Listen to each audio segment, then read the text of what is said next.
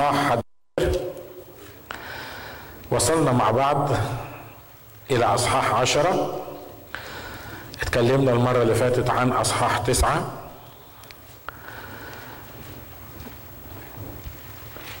ولما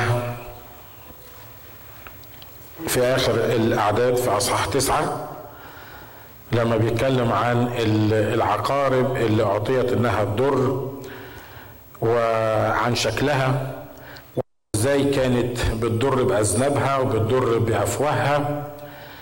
لأن عدد 19 بيقول فإن سلطانها هو في افواهها وفي أذنابها لأن أذنابها شبه الحيات ولها رؤوس وبها تضر. وأما بقية الناس الذين لم يقتلوا بهذه الضربات فلم يتوبوا عن أعمال أيديهم حتى لا يسجدوا للشياطين. وأصنام الذهب والفضة والنحاس والحجر والخشب التي لا تستطيع أن تبصر ولا تسمع ولا تمشي ولا تابوا عن قتلهم ولا عن سحرهم ولا عن زناهم ولا عن سرقتهم. آه ختمنا التأملات المرة اللي فاتت بهذه الكلمات إن الناس شايفة الخراب بتاع الأرض شايفة الدمار بتاع الأرض شايفة إزاي الله بينتقم من الساكنين على الأرض. والشيء الطبيعي إن الناس لما تشوف الويلات دي لما تشوف ال ال الحروب لما تشوف القتل إنها تطلب الله. شيء طبيعي إن لما نكون مسؤولين في في مواقف زي دي الشيء الطبيعي إن الإنسان يطلب الله. لكن في الفترة دي اللي إحنا بنتكلم فيها لأن قلب هذا الشعب تقسى الكتاب بيقول الباقيين اللي ماتوش من ال ال الأحداث اللي بتحصل اللي اتكلمنا عنها. بيقول اللي باقيين دول لم يتوبوا عن سحرهم وزناهم وعبادتهم للشياطين. مستنيين إيه تاني محدش عارف؟ المفروض ان هم يلتجئوا إلى الله المفروض ان هم يطلبوا الله المفروض ان هم يتوبوا عن سحرهم وعن زناهم وعن عبادتهم للشياطين. لكن واضح إن التوبة الحقيقية ما بتجيش بالخوف ما بتجيش باللي بيشوفه الإنسان. ياما ناس لغاية النهاردة بتخش في مشاكل وبتخش في قضايا صعبة. وبدل ما تلجأ للرب بدل ما تيجي للرب وتصرخ للرب الكتاب بيقول إن هم في وجه الرب بيجدفوا عليه. اللي بيشدني وبيشدك للرب إن ما شدتنيش محبة الرب يسوع المسيح على الصليب. مش ممكن حاجة تاني تشدنا للرب لما تشوف اللي بيحصل في العالم والخوف اللي بيحصل في العالم الشيء الطبيعي إن الناس تجري ناحية الله لأن هو الملجأ هو الملاذ هو الوحيد اللي يقدر يخلص الناس. لكن الناس اللي مش بتتأثر بمحبة يسوع الناس اللي ما فيش في قلوبها المحبة الناس اللي ما بتقدرش تفهم محبة الله حتى لو مشوا أو مروا في ظروف صعبة وقاسية ما بيرجعوش للرب. ليه؟ لأن المحبة هي اللي بتجذب الناس دول. اللي حصل على الصليب هو اللي بيجذب الناس دول. إحساسي إن الله بيحبني هو اللي بيجذب الناس. لكن الخوف من اللي بيحصل حواليا مرات كتيرة إبليس بيستخدمه عشان يبعد الناس وده اللي حصل مع الناس في الضيقة العظيمة. عد أصحاح عشرة بيقول ثم رأيت ملاكا آخر قويا نازلا من السماء متسربلا بسحابة وعلى رأسه قوس قزح ووجهه كالشمس ورجلاه كعمودي نار ومعه في يده سفر صغير مفتوح فوضع رجله اليمنى على البحر واليسرى على الأرض وصرخ بصوت عظيم كما يزمجر الأسد وبعدما صرخ تكلمت الرعود السبعه بأصواتها. وبعدما تكلمت الرعود السبعه بأصواتها كنت مزمعا أن أكتب فسمعت صوتا من السماء قائلا لي أختم على ما تكلمت به الرعود السبعه ولا تكتبه. والملاك الذي رأيته واقفا على البحر وعلى الأرض رفع يده إلى السماء وأقسم بالحي إلى أبد الآبدين الذي خلق السماء وما فيها والأرض وما فيها. والبحر وما فيه أن لا يكون زمان بعد. بل في أيام صوت الملاك السابع متى أزمع أن يبوق يتم أيضا سر الله كما بشر عبيده الأنبياء.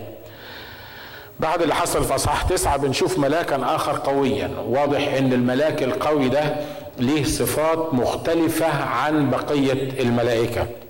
وكتير من المفسرين بيقولوا إن هذا الملاك القوي هو شخص الرب يسوع المسيح. بيقول رأيت ملاكا آخر قويا نازلا من السماء متسربلا بسحابة وعلى رأسه قوس قزح ووجهه كالشمس ورجلاه كعمودي نار. لو خدت بالك من هذه الأوصاف تلاقي أن الكتاب وصف في يوحنا واحد وصف الرب يسوع بنفس هذه الأوصاف. وهذا الملاك القوي النازل من السماء بيقول متسربلا بسحابة وهنا لما بيتكلم عن السحابة بيتكلم عن مجد خاص. لهذا الكائن اللي جاي لأنه دايما لما بيتكلم عن الرب يسوع بيتكلم عنه إنه جاي في السحاب وإن السحاب هي المحمول على السحاب والسحاب بيلفه. وواضح إن لما موسى كان على الجبل إن مجد الرب كان بيغطي الجبل السحاب كان بيغطي الجبل وكان موسى بيدخل مجد الرب كان بيدخل إلى هذا السحاب علشان يتكلم معاه. وعلى رأسه قوس قزح بيقولوا هنا قوس القزح بيشير إلى العهد اللي موجود بين الله وبين الناس. كلكم عارفين إن بعد الطوفان الرب قال إن في قوس قزح هيكون موجود لأنه مش هيفني العالم بطريقة الطوفان مرة تاني. فواضح إن هذا الملاك اللي جاي مش جاي علشان يدين الأرض مع إن الأرض تحت دينونة. لكن واضح إن هو جاي بعلامة قوس القزح اللي هو العهد اللي بين الله وبين الإنسان إن الله ما, ما ينفيش تاني أو ما يدمرش تاني الأرض بالطوفان بيقول وجهه كالشمس ورجلاه كعمودي نار ومعه في يده سفر صغير مفتوح. السفر الصغير ده عبارة بيقولوا عن نبوات أو أشياء معلنة لأن هذا السفر سفر مفتوح. فاكرين في قبل كده في اصحاحات اللي قبل كده لما جه الملاك ومعه سفر إيه؟ سفر مختوم. وكان حد بينادي بيقول مين مستحق أن يفتح هذا السفر ويفك ختومه وبيقول إن لما ما لقيت إن ما حدش قادر يفتح السفر ولا يفك ختومه إن يوحنا ابتدى يبكي. وبعدين واحد من الشيوخ قال له لا قد غلب الأسد الخارج من سبط يهوذا. هو الشخص اللي ليه الحق إنه ياخد السفر ويفك إيه؟ ويفك ختومه لكن الملاك اللي واقف ده معاه سفر صغير مفتوح. وزي ما قلت إن مفتوح معناها إنه معلن الحاجات اللي فيه موجودة معلنة. وبيقولوا إن دي عبارة عن النبوات اللي جت في العهد القديم والعهد الجديد عن آخر الأيام اللي هي موجودة آه، في الأيام اللي بيتكلم عنها الكتاب هنا. فوضع رجله اليمنى على البحر واليسرى على الأرض. واضح إن هذا الملاك ليه سلطان على البحر وعلى الأرض. شكله قد إيه الملاك ده اللي بيحط رجله على البحر ورجله على الأرض عايز يصور لنا إن هذا الملاك ده زي ما قال عنه في أول آه، عدد إنه ملاك قوي إن ملاك متحكم في البحر ومتحكم في البر. وعشان كده ده بيتفق مع الناس اللي بيقولوا إن ده شخص الرب يسوع المسيح. واليسر على الأرض وصرخ بصوت عظيم كما يزمجر الأسد. واضح أن الرب يسوع إشارة من الإشارات بتاعته إن هو الايه الأسد الخارج من سبط إيه؟ من سبط يهوذا. وبعد ما صرخ تكلمت الرعود السبعه بأصواتها. واضح أن الرب زي ما قال عنه الكتاب إنه بيعطي صوته صوت إيه؟ صوت قوة. لما بيدي صوته صوت قوة الصدى بتاع صوته دون عبارة عن الزلازل أو ال ال ال الهزات اللي الكتاب بيقول عنها هنا. صرخ تكلمت الرعود السبعه بأصواتها. وبعد ما تكلمت الرعود السبعه بأصواتها كنت مزمعا أن أكتب فسمعت صوتا من السماء قائلا لي أختم على ما تكلمت به الرعود السبعه ولا تكتبه. واضح إن الرب عنده إعلانات معينة للكنيسة لكن في حاجات لسه مخفية.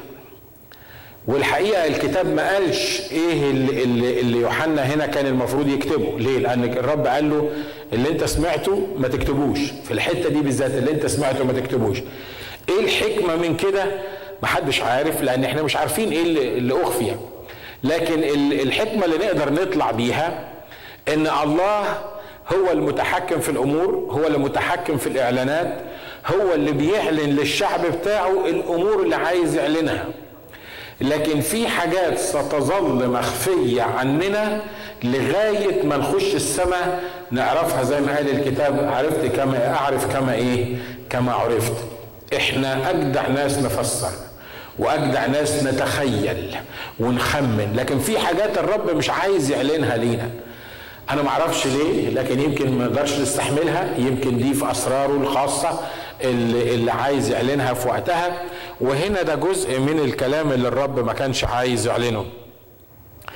بيقول والملاك الذي رأيته واقفا على البحر وعلى الأرض رفع يده إلى السماء وأقسم بالحي إلى أبد الآبدين الذي خلق السماء وما فيها والأرض وما فيها والبحر وما فيه أن لا يكون زمان بعد. بل في أيام صوت الملاك السابع متى أزمع أن يبوق يتم أيضا سر الله كما بشر عبيده الإيه؟ الأنبياء. واضح إن هو بيقول إنه إنه حلف بالحي إلى أبد الآبدين إنه مش هيبقى في زمان بعد. ده مش معناه من اللحظة دي ما فيش زمان بعد لا ده هو قال إيه؟ في الوقت اللي هيبوق فيه الملاك السابع متى أزمع أن يبوق يتم أيضا سر الله كما بشر عبيده الأنبياء. إزاي سر الله وإزاي بشر عبيده الأنبياء؟ سفر الرؤيا ما بيقولش إيه بالظبط سر الله اللي بيتكلم عنه هنا. لكن واضح إن سر الله ده أعلنه لعبيده الإيه؟ الأنبياء. هنا بيتكلم عن كل الأنبياء لأن الكتاب كله خلي بالكم ان يوحنا وهو بيكتب الكلام ده. كان آخر كتابات اتكتبت في العهد الجديد كانت كتابات الرسول يوحنا لأنه واضح إن هو كان في آخر أيامه نفي إلى جزيرة إيه؟ جزيرة بطمس. فهنا بيقول إن في سر الله اللي بشروا لعبيده الأنبياء. ده بيفكرنا بالسر المكتوم اللي موجود في أفسس. لما بولس بيتكلم عن السر اللي مكتوب في الدهور السابقة وفي العصور السابقة السر ده هو أن الكنيسة أو الأمم شركاء في المجد وشركاء في الدعوة الإلهية وشركاء في الميراث. واضح إن الجماعة اللي بتوع العهد القديم ما كانوش قادرين يتخيلوا إن حد تاني غير شعب الله ممكن يخش في السر ده. كانوا متخيلين إن هم الشعب الوحيد اللي ليهم العهود زي ما قال الكتاب والاشتراع وكل شيء. ودي حقيقة لأن الكتاب قال إلى خاصته جاء وخاصته لم تقبله. أما كل الذين قبلوه فأعطاهم سلطان أن يصيروا أنتم معايا؟ أن يصيروا أولاد الله أي المؤمنون إيه؟ أي المؤمنون باسمه. فرسول بولس هنا كتب قال في حاجة كانت مخفية في العهد القديم. الحاجة اللي كانت مخفية اسمها الكنيسة. العهد القديم ده كان عهد اليهود كان عهد الشعب القديم. لكن كان في حاجة في ذهن الله وفي فكر الله اسمها الكنيسة. ما أعلنهاش الله للشعب القديم. أنبياء العهد القديم ما تكلموش عن الكنيسة خالص. ما كانش في حاجة اسمها الكنيسة. بعد كده في العهد الجديد اللي قدرنا نفسر بعض الأمور اللي حصلت في العهد القديم على أساس إنها الكنيسة.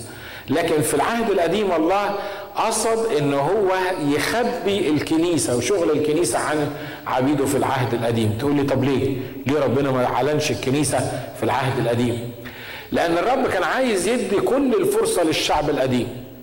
ما كانش عايز يقول له من قبلها انك انت هترفضني وأنا هجيب ناس بدالك أو هتفتح انت الباب للكنيسة. فأغلق على هذا السر سر الكنيسة في العهد القديم لغاية ما الرب جه إلى خاصته وخاصته رفضته. لما اترفض من خاصته فتح الباب للإيه؟ للمؤمنين في العهد الجديد. ودي فترة الكنيسة وإحنا اتفقنا مع بعض إن الكنيسة ما بتحلش محل الشعب القديم. يمكن اتكلمنا في الموضوع ده قبل كده قلنا في حاجة اسمها ال replacement theology ال replacement theology دي اللي هي إن إن الكنيسة حلت محل الشعب القديم. في البعض بيعجبهم الكلام ده فيقول لك خلاص ما الرب يسوع قال للجماعة اليهود قال لهم هو ذا داركم تترك لكم إيه؟ خرابا. ومن ساعة ما قال لهم داركم تترك لكم خرابا وبعدين جه الملك اللي دمر الهيكل. ما بقاش في حاجة اسمها الشعب القديم. إحنا دلوقتي الكنيسة اللي بقينا شعب الله المختار وشعب الله المختار ده مش موجود. التعليم ده تعليم مش صحيح لأن في روميا الرسول بولس بيقول إن بعصيان الناس دول الرب فتح لينا الباب إحنا ككنيسة. وبعد كده بعد فترة الكنيسة هيفتح الله للشعب القديم مرة تاني وبيقول إن هيخلص جميع إيه؟ جميع إسرائيل. واضح جدا إن إن بولس الرسول بيقول ألعل الله رفض شعبه؟ حاشا مش كده بيقول لا حاشا إن الله ما رفضش شعبه صحيح إحنا بقينا شعب الله دلوقتي اللي متكون من كل قبيلة وشعب وأمة ولسان لكن إحنا ما حلناش مكان الشعب القديم لأن عطايا الله وهباته هي بلا ندامة. لما اختار الشعب القديم اختارهم لغاية ما جالهم رفضوه وقف التعامل معاهم دخلت أزمنة الأمم أو الكنيسة لغاية ما الكنيسة آه، تطلع وتختطف يبتدي التعامل مع الشعب القديم مرة تاني. وهو ده الظروف اللي إحنا بنتكلم فيها في الأصحاح ده. بيقول الكلمات دي بل في أيام صوت الملاك السابع متى أزمع أن يبوق يتم أيضا سر الله كما بشر عبيده الأنبياء. سر الله الكلام اللي أنا قلته لكم ده أن الشعب القديم الرب جاله الشعب رفض الرب الرب فتح الباب للأمم وبقيت فترة الكنيسة. فترة الكنيسة لما انتهت بصعود الكنيسة في الاختطاف افتتح الباب مرة أخرى للشعب القديم عشان يعرف الرب وإن الرب من الشعب القديم والشعب الجديد دي هتكون المجموعة اللي هتسكن معاه إلى أبد الآبدين الرابطة اللي موجودة بين الاتنين دول دي الأسرار اللي الرب حطها في آه، آه، عقله أو في آه، حفظه لغاية ما هتتم كلها في الفترة اللي إحنا بنتكلم فيها دي. بيقول والصوت الذي كنت قد سمعته من السماء كلمني أيضا وقال اذهب خذ السفر الصغير المفتوح في يد الملاك الواقف على البحر وعلى الأرض. واضح إن في ملاك كان عمال يكلم الرسول يوحنا كل شوية يكلم ويقول له اعمل كذا واعمل كذا وشوف اسأل واحد من الشيوخ ويرد عليه واحد من الشيوخ.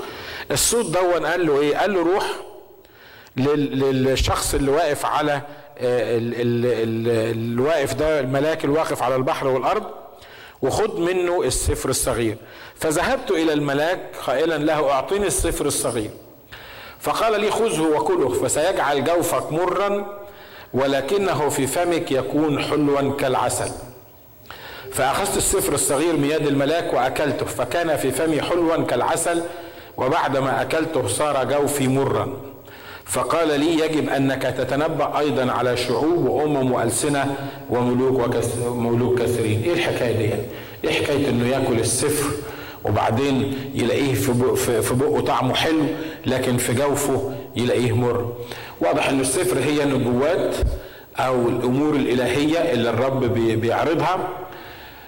وواضح إنه زي ما كتير فينا بيحبوا يدرسوا سفر الرؤيا يقول لك آه يا أبونا درسنا سفر الرؤيا ليه؟ أصل سفر الرؤيا ده فيه كده اكسايتمنت.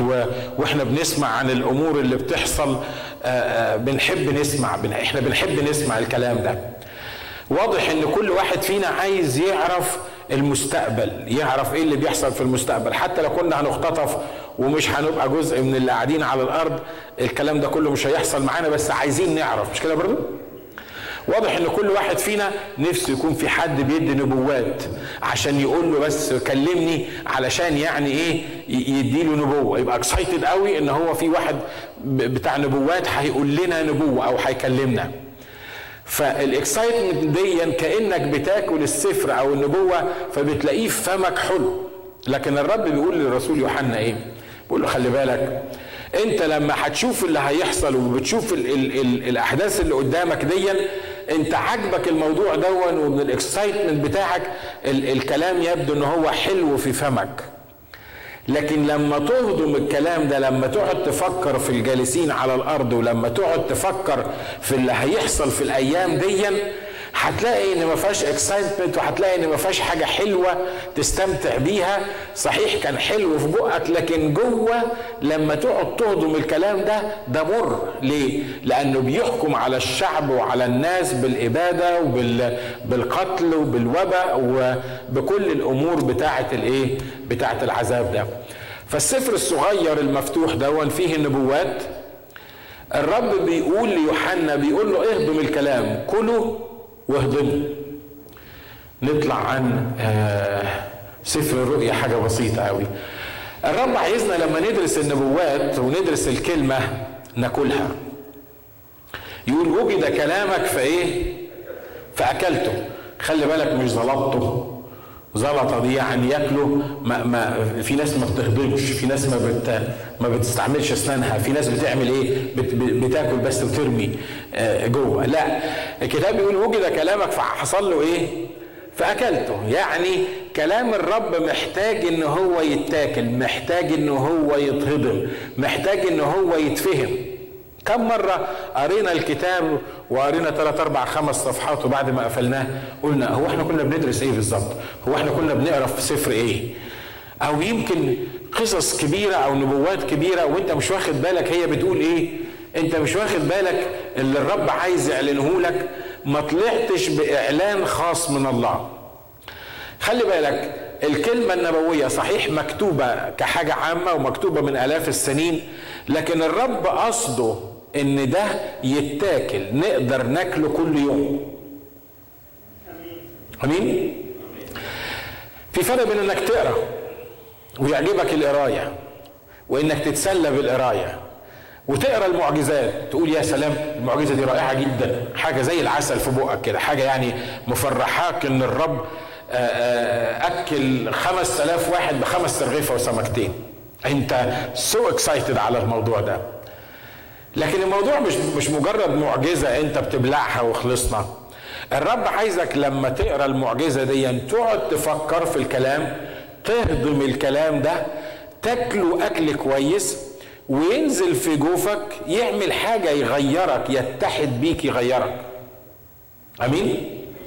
في فرق بين إنك بتاكل ومش قادر تستمتع بالأكل والأكل ده مش باين عليك. ليه؟ لأنك ما بتهضموش. لأنك ما بتقدرش تفهم اللي الرب عايز يقول لك إيه. لكن الرب لما يخليك تقرأ معجزة معينة عايزك تطبقها على حياتك علشان لما تتحط أنت في احتياج أو في موقف يكون فيه وضع مشابه للمعجزة دي تقدر تفهم اللي الرب كان بيفهمه لك. الرب عمل معجزة الخمس رغيفه والسمكتين مع التلاميذ.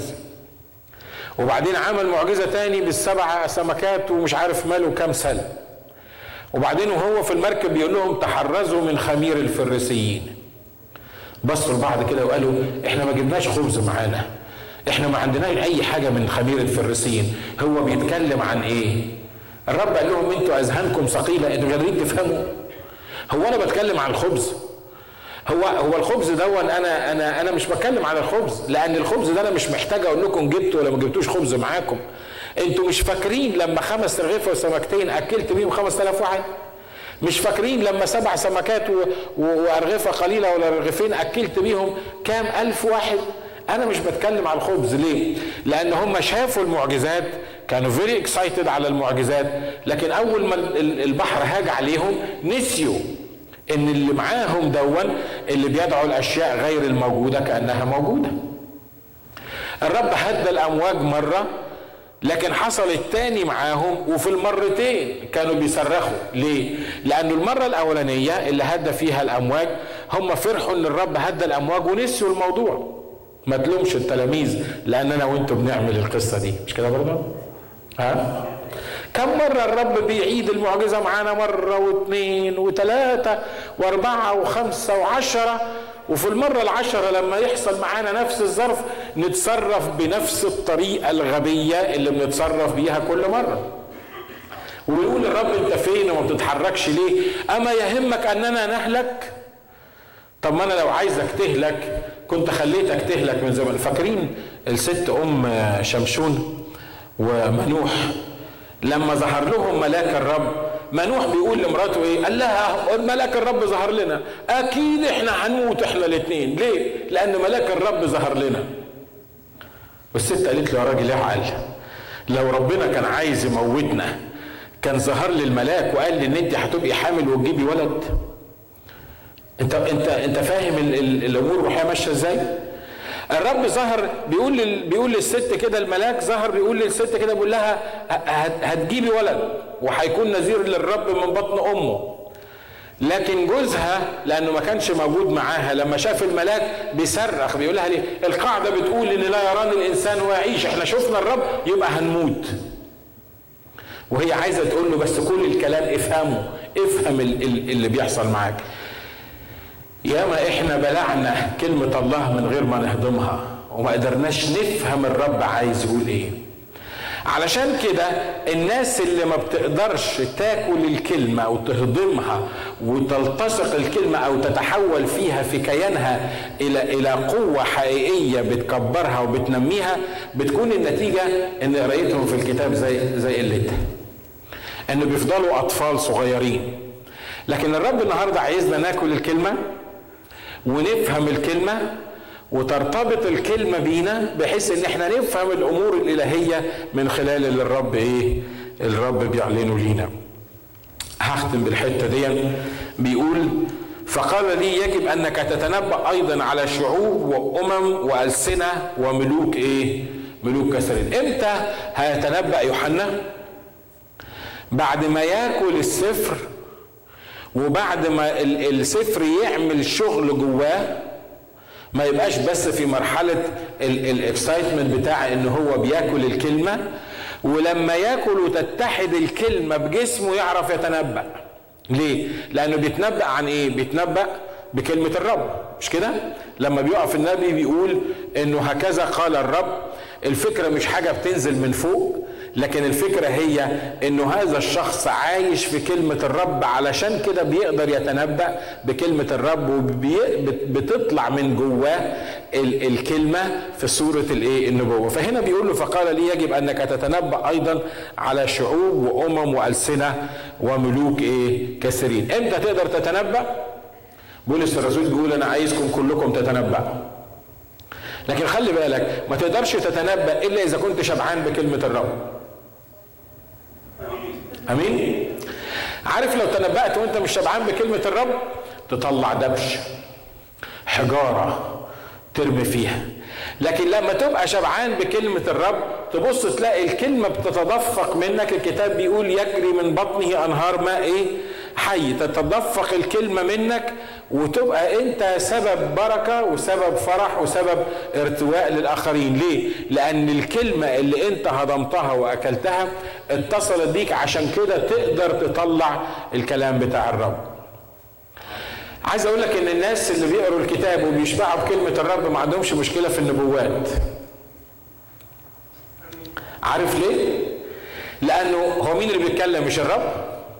ولما يتكلم الرب بيتكلم بكلمة الرب لو أنا وإنتوا عايشين في كلمة الرب والكلمة مليانة جوانا عشان كده لما الرب يستخدمنا في النبوة ما نبقاش بندور هنقول إيه ولا هنعمل إيه ولا هنتصرف إزاي. وما يبقاش اللي قدامك قاعد بيقول يا ترى الكلمة دي من الرب ولا مش من الرب؟ لا عليها ختم الرب. ليه؟ لأنك شبعان بالكلمة بتاعت الرب. فاللي بيطلع من بقك كلمة الرب وتطلع بتلقائية وبتطلع بسهولة. عشان كده الرب قال للنبي هنا قال له انت تعمل إيه؟ انت تاكل السفر ده وهيبقى في بقك زي العسل وبعدين يرتبط بيك. صحيح هيبقى في جوفك مر.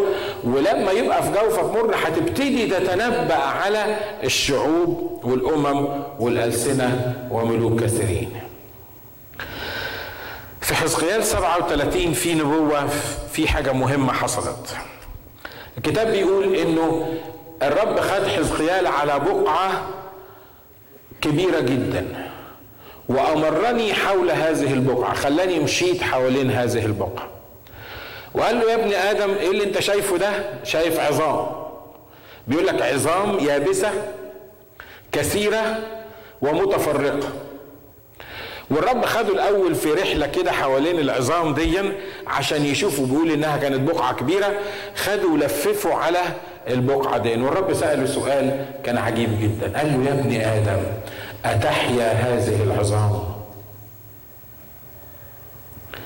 وحزقيال اتحط في موقف صعب.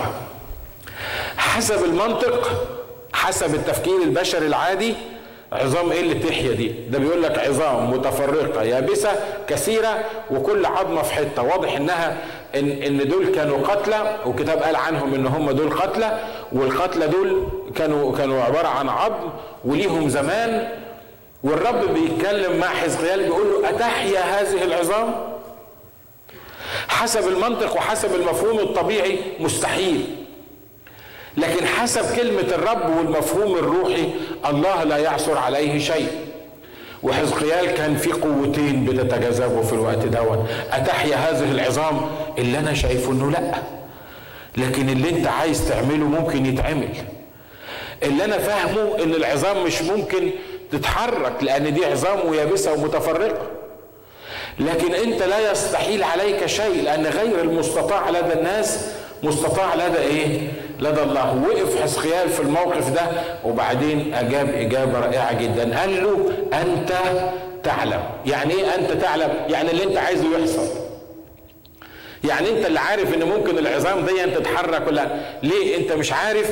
قال له ما هو أنا اصل أصل أنا بين بين نارين بين بين اتجاهين بين حاجتين بيشدوني. الرب قال له إيه؟ زي ما بيقول هنا ليوحنا بيقول له أنت هتتنبأ على أمم وألسنة وملوك كثيرين وعلى شعوب. قال له طب اسمع وقف قدام العظام دي وقول اسمعي أيتها العظام اليابسة كلمة الرب. شفت واحد بيكلم عظام. عليه إيه؟ أنت لو واقف ورا الراجل ده أنا لو واقف ورا النبي ده وهو واقف يقول للعظم اسمعي أيتها العظام اليابسة كلمة الرب. أنا كنت قلت له ده أنت مجنون صحيح. في حد يتنبأ على عظام؟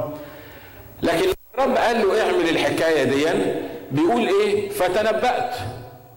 وأنا بتنبأ بيقول اسمعي أيتها العظام اليابسة كلمة الرب. ما قالناش قال إيه بالظبط. لكن عايز يقول للعظام بيقول لهم اسمعوا. لما الرب يكون عايز يقومكم كل عظمه هتتقارب إلى عظمه لما الرب يكون عايز يتدخل في هذا الأمر حتى لو كانت عبارة عن عظام يابسة متفرقة ليس عند الله مستحيل. لما الرب يكون مقرر إن هو يعمل حاجة محدش يقدر يقف في وشه حتى لو كانت عظام يابسة متفرقة. لكن كل اللي عليا إن أنا أعمل إيه؟ أقف قدام العظام ديا وأقول اسمعي أيتها العظام اليابسة كلمة الرب. وده اللي الرب عايزنا نعمله على حاجات كتيرة في حياتنا وحوالينا. أنا هختم بالنقطة دي. ده اللي الرب عايزنا نعمله على حاجات كتيرة في حياتنا وحوالينا. ليه؟ لأنه الرب يبقى جوانا عظام يابسة متفرقة موضوعات من كتر ما اتنست ومن كتر ما إحنا مش لاقيين لها حل بقيت زي العظام اليابسة مرات بنقول مستحيل ده مستحيل يحصل الكلام ده لكن الرب عايز يدينا النهارده إن نتنبأ على شعوب وألسنة وأمم لأن الرب يقدر يغير الشعوب والألسنة والأمم. الرب عايزنا نتنبأ على ال Middle East يا اخوانا ثلاثة قالوا آمين. الرب عايزنا نقف بيقول لك ال Middle East مستحيل يحصل العراق مستحيل يرجع مرة تانية. ليه؟ ما أنت شايف أنت بتقول أهو لسه جاي من هناك وبتقول الإيرانيين والشيعة والسنة واللي بيقتلوا في بعض واللي بياكلوا في بعض. مصر كل يوم بتزيد سوء السعودية مطلعة قوانين ما يعلمش بها إلا ربنا. وكل البلاد اللي أنت بتتكلم عليها دي مستحيل إن يحصل فيها حاجة. لكن دورنا إحنا كمؤمنين إن إحنا ناكل كلمة الرب وبعد ما ناكل كلمة الرب نتنبأ على هذه البلاد ونقول لها اسمعي أيتها البلاد اليابسة المتفرقة كلمة الرب. وده اللي بيحصل وده اللي هيحصل. الناس اللي بتغير العالم هي الناس اللي بتعرف تتنبأ. صح؟ ها؟ يقول لك النبوات دي كانت زمان. هو انت يمكن قلت لكم الحكاية دي قبل كده؟ واحد بقول له مرة بحكي له حكاية بقول له الرب قال لي الحكاية دي قال لي بس بس بس بس اقف اقف عندك هنا الرب قال لك. قلت له آه قال لي. قال لي يا أخي الكتاب بيقول الله بعدما كلم الآباء بالأنبياء بأنواع وطرق كثيرة كلمنا في هذه الأيام الأخيرة في ابنه. كلمك أنت بعد ما كلم ابنه يا عم أنا قلت لك إن أنا كتبت وحي ولا حاجة وأنا هكتب إنجيل خامس اسمه إنجيل ناجي ولا ولا أنا ما قلتش الكلام ده. قلت له طب أنت ما فيش مرة يعني دخلت كده وعندك موضوع أو مشكلة وقعدت تصلي وربنا أرشدك؟ خلي بالك إنه هو يقبل كلمة أرشدك لكن قال لي ديا يتنبأ دي ما يقبلهاش. ليه؟ لأن الناس ملت دماغها على إن ما فيش نبوات الأيام دي. مفيش حاجة اسمها نبوات. فبقول له ما أرشدكش لحاجة معينة؟ قال لي آه. قلت له يعني يكلمك وقال لك حل المشكلة الموجودة. قال لي آه. قلت له يا أخي بقى أكلمك أنت بعد ما أتكلم في ابنه. اشمعنى أكلمك أنت وما كلمنيش أنا؟ ما أنا برضو زيك بيكلمني زي ما, ما بيكلمك. الناس اللي تقدر تغير المحيط اللي هي عايشة فيها الناس اللي تقدر تتنبأ.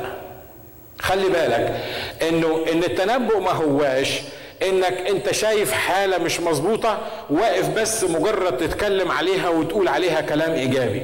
ده رائع وكويس وتمام. لكن لما تاكل كلمة الرب الرب يديلك اللي تقوله على الحالة اللي أنت موجود فيها. يبقى اللي انت بتقوله ضد الحالة اللي انت بتتكلم عنها دي حاجة عطيها لك الرب بالروح القدس. نبوة عطيها لك الرب بالروح القدس. انت كل اللي عليك انك تقف قدام العظام اليابسة وتقول اللي بيقوله لك الرب انك تتنبأ على هذه العظام اليابسة والعظام اليابسة غصب عنها تصير جيشا عظيما جدا. أمين؟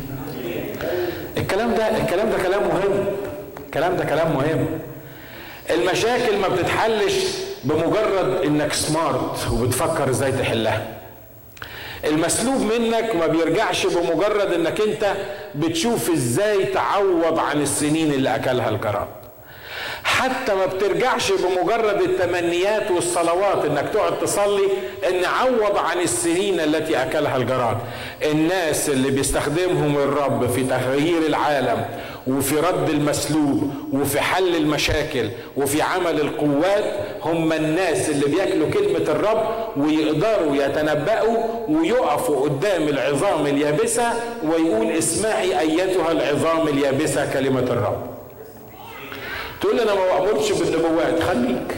حدش قال لك أؤمن. خليك. مش عايز تؤمن بالنبوات خليك. بس ابقى تعالى قابلني شوف ال ال حياتك هتتغير إزاي. ال Middle East مش هيتغير بمجرد إن إحنا نفسنا إن ال Middle East يتغير. مش هيحصل. ال Middle East هيتغير لما يبقى في أنبياء ينزلوا للبلاد دي ويتكلموا لرئيس سلطان الهواء اللي موجود في ال Middle East ولقوات الشر الروحية اللي موجودة في ال Middle East ويتنبأوا على العظام اليابسة اللي موجودة في العراق واللي موجودة في مصر واللي موجودة في السودان واللي موجودة في السعودية واللي موجودة في ليبيا. لما يعرفوا إزاي يتنبأوا على هذه العظام اليابسة الكتاب بيقول تتقارب كل عظم إلى عظمه ويقف على أرجلهم عظيما جدا. أمين. عشان كده الرب وده درس مهم جدا إنك اتعلم إنك أنت تتنبأ. أنا عارف إن في مدارس كتيرة في الموضوع ده ودرس الكتاب أصلا مش على النبوة لكن الحتة دي ما أقدرش أعديها. ليه؟ زمان كنت متخيل إن النبوات انتهت. والحقيقة يعني كان معايا حق لأن كل اللي شفتهم بيتنبأوا ما كانوش بيقولوا إلا قدامك سكة سفر وإنت هتروح مش عارف فين وإنت هتيجي مش عارف مين كان نفسي أقابل حد في يوم من الأيام يقول لي حاجة عدلة. كان نفسي أشوف حد بيتنبأ وبيقول حاجة بتحصل. لكن في, في معظم الأوقات ما كانش في حاجة بتحصل من اللي إحنا كنا بنسمعه. وبعدين كنت متخيل إن النبوات هي مجرد إنك أنت واحد بيقول لك هيحصل معاك إيه في المستقبل. لكن أنا بتكلم عن عن موضوع تاني هنا. لو أنت قادر تاخد بالك من الموضوع. الرب قال ليوحنا كده قال له اسمع كل السفر ده وأنت هتتنبأ على شعوب وهتتنبأ على ملوك وهتتنبأ على ناس دول. هتغير دول بالنبوة اللي أنت بتقولها من عندي. عشان كده الرب عايزنا النهاردة إن إحنا نعرف نتنبأ على هذه الإيه؟ هذه الدولة. عايزين نعمل مجموعة من الأنبياء. أمين. ها؟ في مدرسة اسمها مدرسة الأنبياء زمان في العهد القديم كانوا بيعلموهم. النبوة تقول يعلموهم إزاي. هي النبوة بيعلموها. يعني تقدر تعلم واحد يتنبأ إزاي. أنا أقدر أعلمك تتنبأ إزاي بس ما أقدرش أديك النبوة لأن النبوة دي مش من عندي النبوة من عنده هو فوق. لكن أقدر أوريك إزاي تقدر تستخدم الحكاية دي. والرب كان بيعلمني وبيعلم كثيرين إن في البلاد اللي زي دي تتنبأ عليها. يوم ما رحت تونس أول مرة رحت فيها تونس. الرب خدني في في في آه فترة نبوة على هذه البلد وفترة صلاة حقيقية على هذه البلد. وكنت أنا ساعتها كنت نايم على السرير ويمكن اللي خلاني عملت كده إني فتحت التلفزيون لقيت آه واحد آه مسلم جايب مجموعة من الأمريكان يقولوا إزاي بقيوا مسلمين. وهم مش عارفين يقولوا حاجة وهو بيحط الكلام في بقهم يقول لهم آه أنتوا عجبكم الإسلام لأن الإسلام كويس مش كده؟ فهم يقولوا له ياه. وبعدين بعد شوية يقول لهم أنا عارف إن أنتوا سماحة الرسول هي اللي شدتكم للإسلام. هم ما بيقولوش. هو اللي بيقول هو اللي بيحط الكلام في بقهم وهم عمالين يقولوا آه. واحتدت روحي فيا وكنت بتنبأ على هذا الرجل وعلى هذا البلد اللي هو تونس. وتونس كانت كانت أرض يابسة قاحلة. الأسبوعين اللي فاتوا كان في مجموعة من مصر بعتناهم تونس. بيقولوا لي رحنا أكتر من اجتماع تونسي من التوانسة نفسهم موجودين. بيقولوا لي قعدنا نسبح ونتكلم بألسنة دول كلهم 100% مسلمز. متغيرين قابلين الرب يسوع. بيقولوا لي قعدنا ساعات نرنم ونتكلم بألسنة ونتنبأ ونرنم ونتكلم بألسنة for hours and hours and hours in تونس ليه؟ لأن الرب مش بس أنا لكن الرب بعت ناس كتيرة وقال لهم تنبأوا على هذا البلد. أنا أثق إن الرب عايزنا نمتلئ من روح الله، نمتلئ من النبوة، نمتلئ من كلمة الرب ونقف نتنبأ على بلادنا العربية. ولو عملنا كده وقلنا للبلاد العربية اسمعي كلمة الرب صدقوني مهما كانت قوات الشر الروحية اللي موجودة في البلاد دي لأن غير المستطاع لدى الناس مستطاع لدى الله آخر حاجة أقولها لك. سيبك من بلادك العربية. لف حوالين بيتكم وتنبأ على بيتكم. ما أنت مش هتعرف تتنبأ على البلاد العربية لو كان بيتكم خربان. صح؟ مش هتعرف تعمل شغلانة في البلاد العربية لو أنت بيتك ما يعني يعني عشان كده أنت محتاج إنك تعرف تتنبأ على بيتك.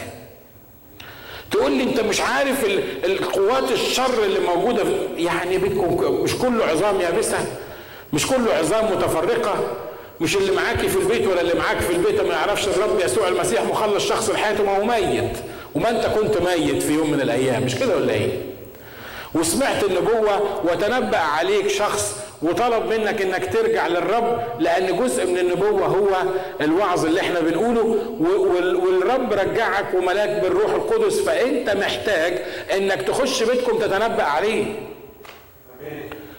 تقول لي إزاي يعني؟ إزاي؟ لو شافوني وأنا بتنبأ في بيتنا ده ده, ده يموتوني. ده مش هيصدقوا. ده هيضحكوا عليا. طبعا لازم يضحكوا عليك. واحد واقف يتنبأ على عظام يابسة يضحكوا عليه ولا ما يضحكوش عليه؟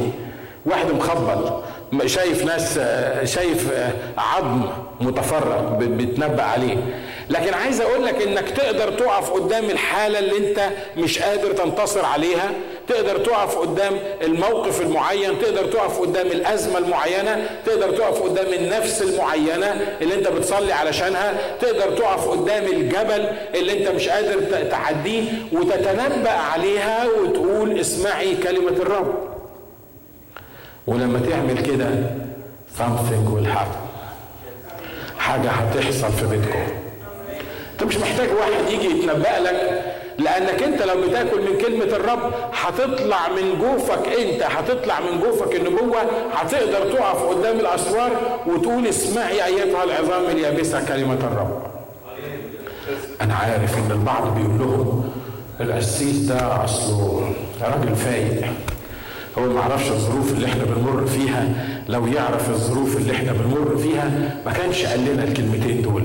ما كانش حمس أنا مش بحمسك على فكرة. أنا بقول لك الكلمة اللي الرب عايز يدرسها لنا. الرب عشان يغير شعوب وألسنة وممالك كثيرين قال ليوحنا قال له خد السفر كله هتلاقيه في بقك حلو. وفي جوفك هيبقى مر من كتر المرار اللي موجود فيه من كتر المشاكل اللي موجودة فيه من كتر التحديات اللي موجودة فيه. لكن لما توصل إن الكلام يبقى جواك مر بالمنظر ده انت تقدر تتنبأ على البيت أو على المشكلة أو على الحاجة اللي واقفة قدامك ولما تبتدي تتنبأ لازم يحصل معاك زي ما حصل مع حزقيال ان كل عظم يتقارب إلى عظمه وهيقف الموتى دول العظام ديا جيشا عظيما جدا.